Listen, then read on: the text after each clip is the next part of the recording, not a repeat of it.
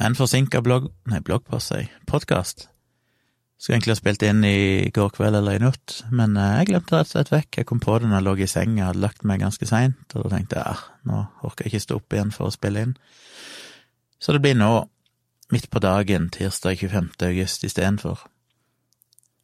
Eh, mest av alt bare for å kanskje si noe om eh, folkeopplysningen i går.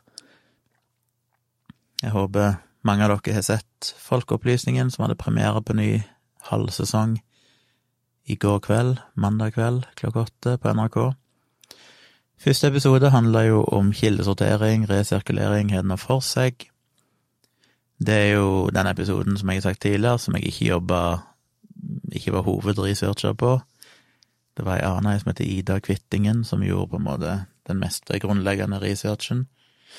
Og så er det jo research gjort av alle seinere, de som jobber med manus og sånn, de bidrar jo etter hvert, men én starter å gjøre på en måte lage grunnlaget, og det var Ida i denne sammenhengen. Men jeg har jo det meste av det som er i programmet, er jo ting jeg har skrevet om tidligere, eller sagt de har vært med i NRK Debatten et par ganger, diskutert kildesortering og sånn, og mye av det var jo egentlig ting jeg har snakket om. Så hva syns jeg om programmet? Jeg jeg syns egentlig det ble bra. Det var et program som vi i redaksjonen sleit med, fordi det er et ganske tørt tema, ganske teknisk, og det er forferdelig mye veier å gå, mye informasjon, problemstillinger en kan trekke fram, og samtidig så er det egentlig for lite kunnskap om det meste, så det er vanskelig å vite sikkert noen ting som helst. Så det var flere ganger i produksjonen der jeg tror nesten det var litt sånn eh, Er dette et program vi klarer å lage, eller bør vi bare finne et annet tema? Um, men det endte jo opp i et manus, og det endte opp i et program, og jeg syns egentlig programmet ble bra. Fikk jo en kommentar nettopp på Facebook der det var en som skrev at uh, ja, påpekte et eller annet som han mente de burde ha sagt noe om. Det var en på Twitter òg som kommenterte et eller annet som ikke ble nevnt. Men det er litt sånn, ja, selvfølgelig, det er hundre ting som ikke ble nevnt, det er som regel ikke fordi at ikke vi var klar over det, men det er fordi at du skal holde deg innenfor en viss tidsramme. Du skal klare å holde programmet underholdende, sånn at folk faktisk gidder å se det. Eh, en skal være forståelig for folk flest, og en må ha en viss rytme og struktur i programmet som henger sammen, en slags vei gjennom programmet. Så det er klart det er fryktelig mye jeg gjerne skulle hatt med, ting jeg har skrevet om, ting jeg syns var interessante, ting vi diskuterte i prosessen som jeg liksom sa vi må si noe om det og det og det, men så, så blir det nedprioritert da, til fordel for andre ting. Og til syvende og sist så synes jeg jo programmet klarte å gi og vise hvor komplekst det er, da, og hvor mye usikkerhet det er, uten at en trenger å på en måte nevne absolutt alle, alle de enkelte tingene. Det ble trukket fram enkelte ting som på en måte illustrerte hvor komplisert dette er, og hvor det mangler kunnskap. Og det var jo den gjennomgående følelsen vi hadde når vi jobba med programmet. Hun Ida som jobba med det, vi spøkte jo flere ganger om at hele programmet burde egentlig bare være å sitte og filme hun som satt i tre måneder og ringte og ringte og maila og maila og fikk aldri noe svar, for det var egentlig ingen som visste, og alle bare viste til de samme to studiene, som alt annet egentlig var basert på. Hun holdt jo på å rive ut håret til slutt, tror jeg, for det var nesten umulig å få noen svar på noen ting som helst. Eh, som egentlig var ganske illustrerende, da. Og for min del, sånn rent personlig, så tenker jeg eh, Det er jo det som er litt fascinerende med hele kildesorteringsopplegget, at dette er jo noe vi har blitt fått hamra inn i 30 år, så myndighetene har hatt uh, mye kampanjer rundt, og ganske strenge regler etter hvert for hvordan ting skal foregå.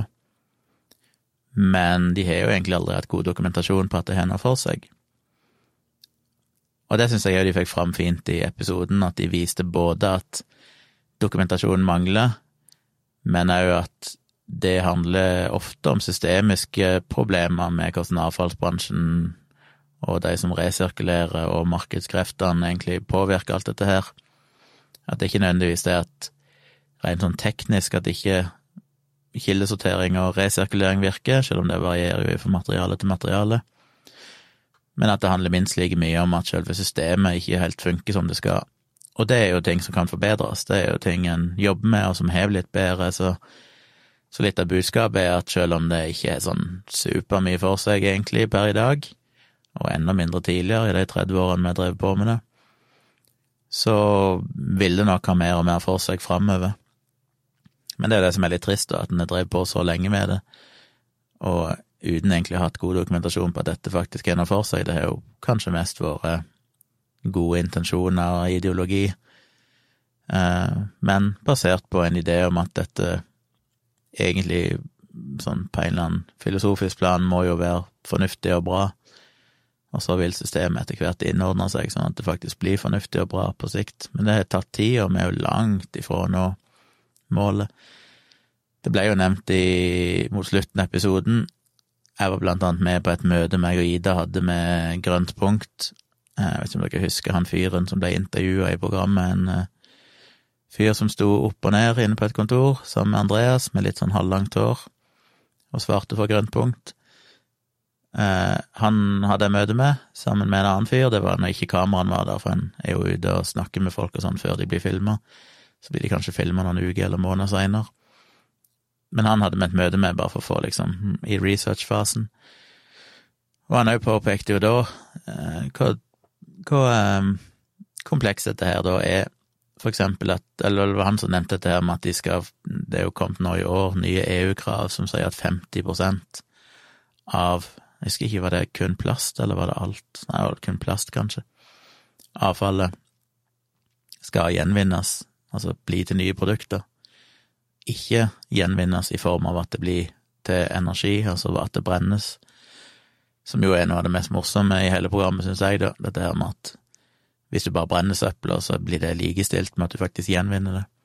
Og det er det jo veldig få som vet. Så når det står at et produkt blir gjenvunnet eller resirkulert, så betyr det veldig ofte at det egentlig bare blir brunnet og gjenvunnet i form av varmeenergi som kan brukes til å varme opp eh, fjern, altså sånn fjernvarme og vann og sånne ting, eller lage elektrisitet.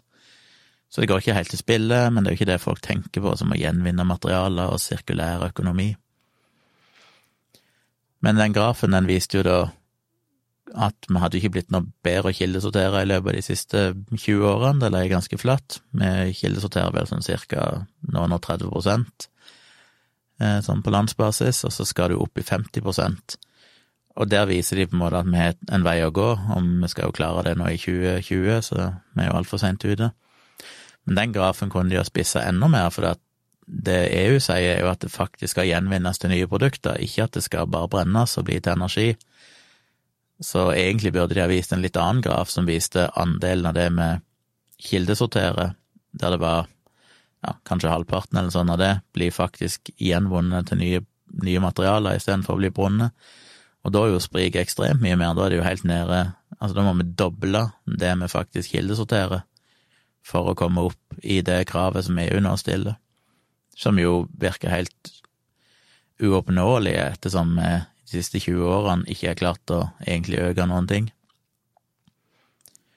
Så det ser jo ganske svart ut, det er mange gode intensjoner og strenge regler, men vi er jo langt unna å ha et system som ser ut til å klare det.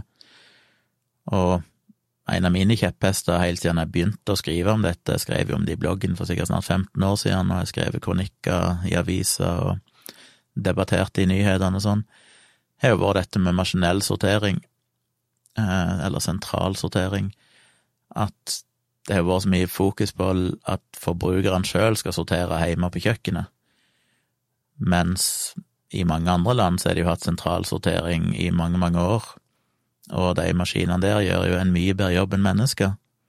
I beste fall så kan de jo liksom ha over 90% nøyaktighet i sortering av søpla, mens vi mennesker klarer 30-40% nøyaktighet. Men så er det bare en slags motstand mot å investere i sentralsorteringsanlegg fordi det føles som om vi da frikjøper forbrukeren for ansvaret. Så jeg skrev vel en formulering i en kronikk jeg hadde på NRK Ytring for en del år tilbake. Da skrev jeg at vi er villige til å ofre miljøet for å bevare følelsen av at vi redder miljøet. Fordi det var blant annet eh, en sak her på Østlandet der det var noen kommuner som skulle gå inn i et sånn felles samarbeid, men så var det politikere som ikke ville inn i det samarbeidet, for den kommunen de skulle samarbeide med, hadde sentralsorteringsanlegg som betyr at forbrukeren vel kan redusere ifra å liksom sortere søpla i fire-fem forskjellige fraksjoner, så kunne de redusere til to, En med organisk avfall og en med alt annet. Og så vil alt annet bli sortert automatisk av den maskinen.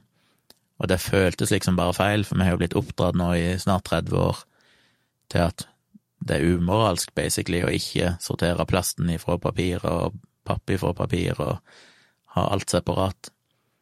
Sjøl om det er maskiner som kan gjøre dette bedre enn noe. Og det er jo da litt morsomt at jeg er emja om dette i over 15 år, mens først nå så begynner de endelig å stille krav, faktisk, til at eh, en større andel av avfallsanleggene skal ha sentralsortering. Så det kom endelig, men det har vært ikke bare en teknologisk utfordring, men kanskje mest av alt en psykologisk utfordring å overbevise folk om at vi må faktisk bare la folk uh, gjøre det litt enklere hjemme på kjøkkenet og la maskinene overta. Det føles kanskje umoralsk fordi vi er oppdratt til det motsatte, men det er faktisk det beste for miljøet. Så det fikk de jo med seg litt om i programmet. Det var en av de tingene jeg hamra inn helt fra starten. Vi må ha med noe om det. Folk ble nesten lei av meg i redaksjonen, men uh, det kom iallfall med litt om det, med dette Ivar-anlegget i Stavanger, som er flinke på det. Så var jeg oppe der i går kveld hos Teddy TV. Da samla vi oss i redaksjonen. Andreas Wahl kom eh, etter hvert, rett ifra dansetrening, for han skal være med i Skal vi danse nå i høst, som begynner 5. september. Så han kom jo rett ifra dansetrening til vårt, og det ble jo sittende og prate. Han ble jo erta ganske lenge for dansing. Nei da, men det ble mye prat om Skal vi danse før eh, programmet starta, og vi begynte å snakke mer om selve programmet, iallfall etter programmet var vist, og snakket vi en del Gjorde litt tanker og sjekka hva folk på Twitter skrev om programmet, og hva feedback vi fikk, og sånn. Eh, så det var interessant. Veldig trivelige folk, og jeg har jo ikke sett dem på et halvt år, for jeg jobba jo der sist i januar, før koronagreiene. Men jeg kom nå inn i bygget og møtte de, og vi spiste litt pizza og fikk litt å drikke og satt og prata sånn et par timer før programmet begynte, og så satt vi en knapp time etterpå og prata litt om programmet. Så det var jo hyggelig. Men eh, ja, det går jo for meg, som det alltid gjør, at eh, sånne sosiale ting er ikke for meg. Eh, det er ikke noe galt med folkene, men jeg bare føler meg aldri komfortabel. Jeg bare vet ikke hva det er. Jeg var jo sånn, jeg ble invitert, alle som hadde vært med, fikk jo en mail her i forrige uke da de sa at det skulle være en da, premierevisning der vi kunne komme og spise og drikke litt og, og samles, og det var sånn, skal jeg melde meg på, eller skal jeg ikke? Og da har jeg den evige kampen som jeg har alltid med sånne ting, det er at jeg tenker at jo, jeg burde, jeg bør si ja, det er dumt å si nei til det. Mens hver gang jeg faktisk har sagt ja og stiller opp, så tenker jeg etterpå at å, jeg burde egentlig aldri ha gått og neste gang må jeg si nei. Og det er bare fordi det er jo bare intern idioti, men det, jeg bare føler ikke at jeg er en del av gjengen, på et vis. Når jeg kommer der, så bare føler jeg meg liksom utenfor. Jeg føler ikke jeg klarer å Jeg vet ikke hva jeg skal si alltid, og jeg, hvis jeg prøver å si noe, så føler jeg at noen andre snakker over meg, at ikke jeg blir hørt, og at jeg ikke klarer å ta ordet i en sånn forsamling. Det er lettere med en gang noen har begynt å gå, og det sitter igjen litt færre. Vi var vel kanskje en Ja, hvor mange var vi?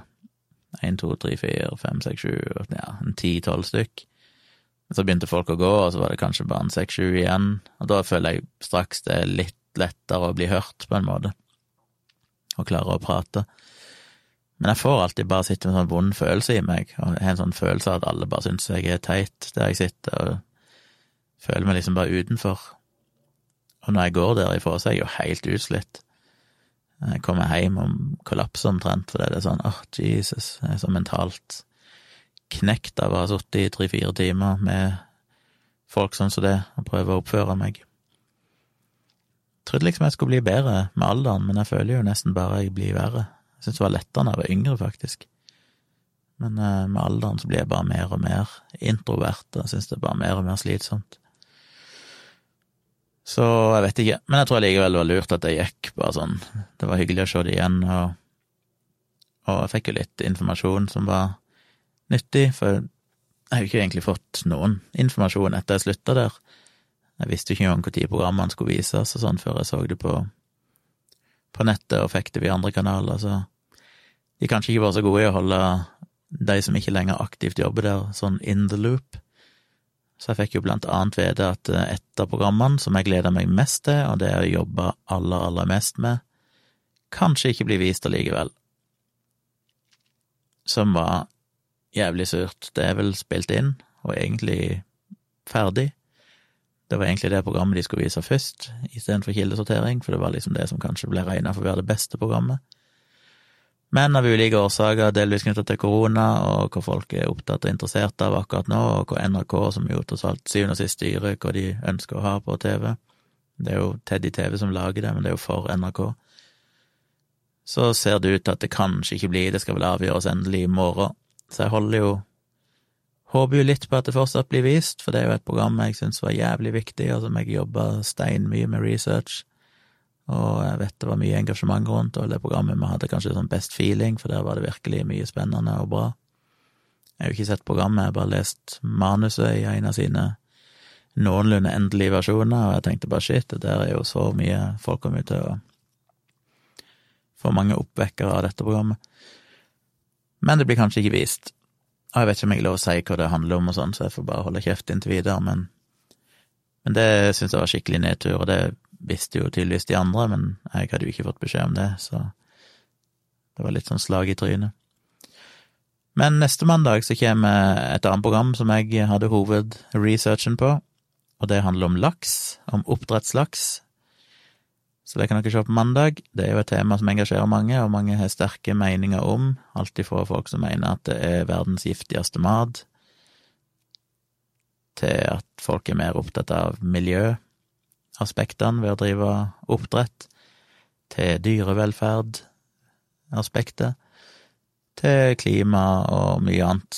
Og igjen, med samme som med alle programmene, det var mye researcher der som ikke ble med i programmet ut ifra det manuset jeg leste sist, som er noen måneder gammelt. Eh, men en kan ikke ha med alt. Det er ting der som jeg mente var viktig, og som jeg følte folk var engasjert i, og dette bør vi si noe om, men som de som sitter over meg og faktisk har litt mer myndighet, mente at nei, det kutter vi. Og sånn er det jo, en må bare akseptere det, som alltid er surt når en har brukt mye tid på kanskje researche og lese rapporter og finne mye interessante og spennende data, men så blir det liksom konkludert med at det, det passer på en måte ikke inn, eller det blir for snevert, eller et eller annet sånt. For som jeg sa innledningsvis, til syvende og sist så er jo deres mål å lage et program som folk finner underholdende nok til at de ser programmet og vil se neste program, og det går av og til på bekostning av eh, alle detaljer og hvor teknisk du kan være, selvfølgelig, selv om jeg elsker å nerde over sånne detaljer og elsker vitenskapen i det og forskningen, men det må av og til gå litt på bekostning av at du skal gjøre det lett forståelig og underholdende. Og det har jo Folkeopplysningen i aller høyeste grad lykkes med, det er jo et veldig populært program, så det er vanskelig å si imot det. Eh, men det håper jeg dere ser. Og jeg, veldig, jeg har jo ikke sett noen ting av programmet sjøl, så jeg er veldig spent på å se det programmet, jeg òg, når det kommer. De legger det jo ut på nett-TV på NRK tidligere på dagen, så det går an å se det tidligere på mandagen, men ellers så vises det vel klokka åtte, regner jeg med, på kvelden, hvis det er samme tid som programmet i går, som det sikkert er. Så det blir spennende. Og det programmet kan jeg ta litt mer eierskap over, for det var det faktisk jeg som eh, Jeg fikk på en måte bare beskjed om oppdrettslaks, finn ut alt du kan. Som jo er en ganske krevende arbeidssituasjon. Du kom inn der, aldri jobba med dette før, i TV-media. Og det er ikke noen føringer på en måte om hva de skal lage et program om, du får bare et tema, oppdrettslaks, men skal lage noe på det. Så man bare begynner å google og prøve å finne artikler, og jeg hadde selvfølgelig en viss idé om det, jeg har jo blogga litt om det tidligere, spesielt helseaspektet ved oppdrettslaks og sånn, om det er farlig og hvor sunt det er og sånn. Men eh, så jeg begynte å jobbe med det ganske bredt, og prøvde å skrive til slutt en slags sånn eh, synopsis eller treatment, holdt jeg på å si, eller en slags kunnskapsoppsummering, som jeg kalte det vel, på noen sider, der jeg bare på en måte skrev med vanlig tekst. Dette er på en måte problemstillingen, eh, dette er de temaene vi bør komme innom, og sånn. Og så hadde jeg side på side på side på side med kildehenvisninger, linker, sitater. Eh, vi hadde enorme dokumenter som jeg legger til grunn, da. Og så går det videre, så er vi jo møter, og så blir vi kanskje enige om at du trenger ikke se så mye på akkurat det, for det kommer vi ikke til å ha med, du må heller jobbe mer med noe annet. Så en spisser det litt inn, og så jobber jeg videre med det, og prøver Så er liksom jobben er jo å finne det er litt sånn i TV, ikke sant, du skal finne de gøye tingene. Eh, det er vitenskap, og det er forskning, men, men det er kult å finne de der små sånn nuggets av ting som folk tenker at oi, shit, det visste jeg ikke, eller oi, det var jo annerledes enn det jeg trodde. Så hvis en klarer å finne sånne som gjør temaet og innholdet spesielt interessant, så er det jo veldig gøy. Og jeg følte jeg fant en del sånne ting, og jeg hadde jo møter via nett primært, for det er folk som sitter i andre deler av landet, men jeg hadde jo nettmøter med Mattilsynet og, og eh, ja, hvem var det? Jeg husker ikke alle de forskjellige avdelingene som jobber innenfor. Det er så mange avdelinger som har ansvar for forskjellige områder innen oppdrettsnæringen. Noen har ansvar for eh, lokalmiljøet rundt anleggene, noen har ansvar for dyrevelferd, noen har ansvar for selve helseaspektet ved maten. Så jeg snakka med mange forskjellige myndigheter, alt opp seg, og eh, som kunne gi meg svar på ting jeg spurte om, og da føler en seg jo veldig dum. Når han plutselig sitter der i et nettmøte med tre eksperter på området, og så sitter han jo bare og føler at han stiller dumme spørsmål. Men sånn var det. Så jeg noterte og hadde referater for de forskjellige møtene jeg hadde, så alt i alt så kan jo folk mene hva de vil om folkeopplysningen, men eh, det er veldig grundig research, ja. Det er helt sikkert. Så når jeg jobber med det så prøver jeg å finne folk jeg snakker med som virker interessante, som har noe fornuftig å si, og som jeg tenker kan fungere på TV, og så tipser jeg da de andre om det, sånn at jeg kan vurdere om de skal bruke de til intervjuer i selve programmet, med kamera, liksom, og filme de. Så det er mange ting en skal holde styr på. Men jeg følte jeg fikk på måte lagd et godt grunnlag, og lærte jo mye sjøl. Eh, det er jo fascinerende når du får betalt for å sitte og lese lange rapporter om for eksempel hvordan du avliver oppdrettslaksen, som jeg var veldig nysgjerrig på, liksom hvor humant er det, hvordan er det egentlig det skjer? Eller sitte og lese rapport på rapport om miljøforholdene og dyrevelferd, og plutselig så vet jeg mer om de tingene enn jeg egentlig kanskje noensinne hadde tenkt jeg skulle vite, eller egentlig ønska å vite. uh, og det gjorde jo det snudde jo kanskje mitt syn litt på oppdrettslaks ifra å være eh, veldig positiv i utgangspunktet, til å bli fortsatt positiv, men, eh, men absolutt ser at det er problemer. Og så gjelder det jo da å finne løsninger på det, og kanskje kunne presentere hva som skjer, finnes det løsninger på det, hva som kan gjøres bedre. Men igjen, jeg vet ikke hva de ender opp med å ha med i programmet, det blir en overraskelse for meg òg, til en viss grad, for det manusene endrer seg hele tida, og jeg aner ikke hva de er filma. Så jeg er veldig spent på å se hvor godt de klarer å presentere det, om de får med de viktige poengene som jeg følte jeg fant når jeg researcha det.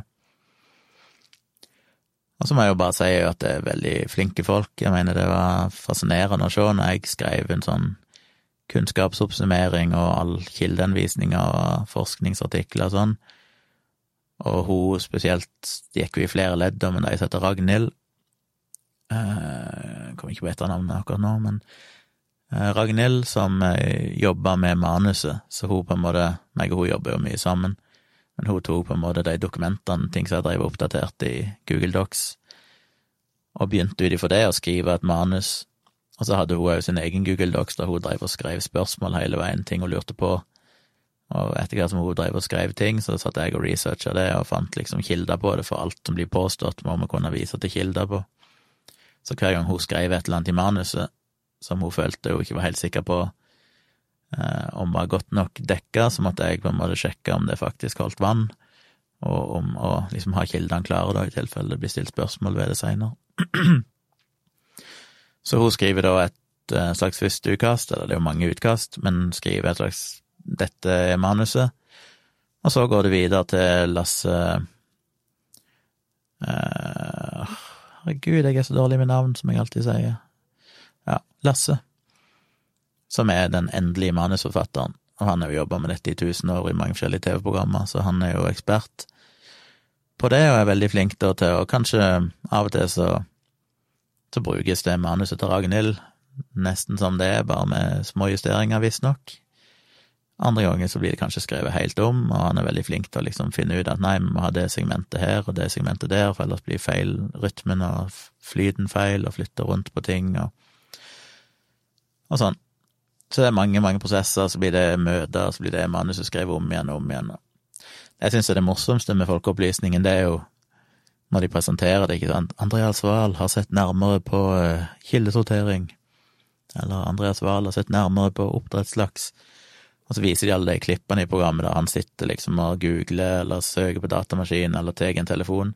I praksis gjør jo han absolutt ingenting eh, i den fasen. Det er jo vi andre som sitter og researcher alt og tar alle telefonene, og så basically bare skriver et manus med hva Andreas skal si, og så står han foran, foran kamera og sier det. Så alle de der scenene der han liksom sitter og researcher eller snakker med folk, eller eh, Det er jo det er jo bare konstruerte situasjoner som ikke er korrekte. På den annen side sett så er jo han ekstremt flink, veldig dyktig programleder, dyktig til å formidle, veldig engasjert i temaene, og eh, ja, men det gir et slags fake bilde da av hvordan ting faktisk foregår, for han er jo ikke involvert i prosessen før det egentlig foreligger et ferdig manus der all jobben er gjort. Men de fremstiller det selvfølgelig som at det er han som har tatt jobben med å researche og finne ut av dette her. Så det er jo morsomt. Og det var gøy å se navnet mitt på rulleteksten. Jeg måtte jo screenshotte det, at navnet mitt sto der. Det syntes jeg var litt stas. Det har alltid vært litt sånn drøm for meg å være involvert i Folkeopplysningen. Jeg har jo bare vært litt indirekte tidligere, med at første sesong som handler om alternativ behandling, var nok i veldig stor grad basert på mye av bloggen min. Det fikk jeg jo høre, han som var produsent i den tida, han sa jo det at eh, han skrev til meg og sa at liksom bloggen var jo en nasjonalskatt, som han kalte det, og inneholdt jo uendelig mye informasjon om kiropraktikk, akupunktur og homopati og alt det som de første episodene av Folkeopplysningen handler om, så jeg fikk jo ikke noe kreditt for det, men i praksis så var vel mye av det inspirert av ting jeg hadde skrevet og researcha, sånn sett. Og så var jeg med en gang i en sånn ressursgruppe som ble kalt inn, der de skulle lage, jeg husker ikke hvilken sesong det var, tre eller fire eller noe sånt, der de hentet inn litt engasjerte folk, bare ha et møte med dem for å komme med ideer til hva de kunne lage programmer om, og hva som var interessant og sånn. Da kom jeg jo med en del innspill, men jeg husker aldri om det ble noe av det, for det var så lang tid fram til det faktisk kom på TV at jeg husker ikke lenger hva som ble sagt. Så jeg var litt sånn, så ble jeg vel egentlig en gang booka inn til å jobbe i redaksjonen der for noen år siden. Jeg vet ikke om det var sesong to, men de endte faktisk opp med å droppe meg. Eh, jeg gjorde litt research på mail for de vel. Bare liksom svarte på noen spørsmål og sjekka noen ting, og så skulle jeg egentlig signere en slags avtale med de, men så så droppa de det rett og slett fordi de vel kom fram til at navnet mitt var for belasta som skeptiker, at de vel følte kanskje at de første programmene var jo liksom mye om alternativ behandling og sånn, og da følte de kanskje at de ville fremstå som mer nøytrale på et vis, at ikke de ville at noen skulle bruke det mot dem, at eh, denne her fæle skeptiker Tjomli var involvert, og alle de som trodde jeg var kjøpt og betalt av legemiddelindustrien og alt det der. Så det var litt trist, så det måtte jeg jo sjekke nå når de booka meg inn denne sesongen, og så spurte jeg de, ja, det er ikke noe problem med at jeg er med, liksom, så, så sa de at nei, det var det ikke, litt fordi de har litt andre tema nå enn det jeg har vært mest knytta til tidligere. Som er kanskje litt rart, da, for at oppdrettslaks er jo skrevet om, og jeg har jo til og med vært på TV og sånn og debattert kildesortering flere ganger, skrevet mye om det òg, men, men, det er ikke noe som kanskje provoserer de samme folkene som de som er i alternativbransjen og sånn. Så jeg har vært litt inne i bildet tidligere, men det er først nå jeg på en måte har hatt en betalt jobb, der faktisk jeg har fått lønn for å sitte og jobbe med de og få navnet mitt på rulleteksten, så Så det var jo stas. Og så har jeg alltid stilt meg spørsmålet kunne jeg ha jobba der på fulltid, eller hvis de for eksempel hadde spurt om jeg ville være med og jobbe for neste sesong, vil jeg da si ja? Og jeg er veldig usikker, fordi jeg syns det er dritgøy, det er jo luksus på en måte å få betalt for å gjøre det som jeg syns er gøy, og egentlig bare sitte og researche og lese forskning. Um, helt perfekt, det. Men jeg sliter nok litt med det der å jobbe i et sånt miljø. Jeg er jo vant med å jobbe alene, drive mine egne ting og være sjef.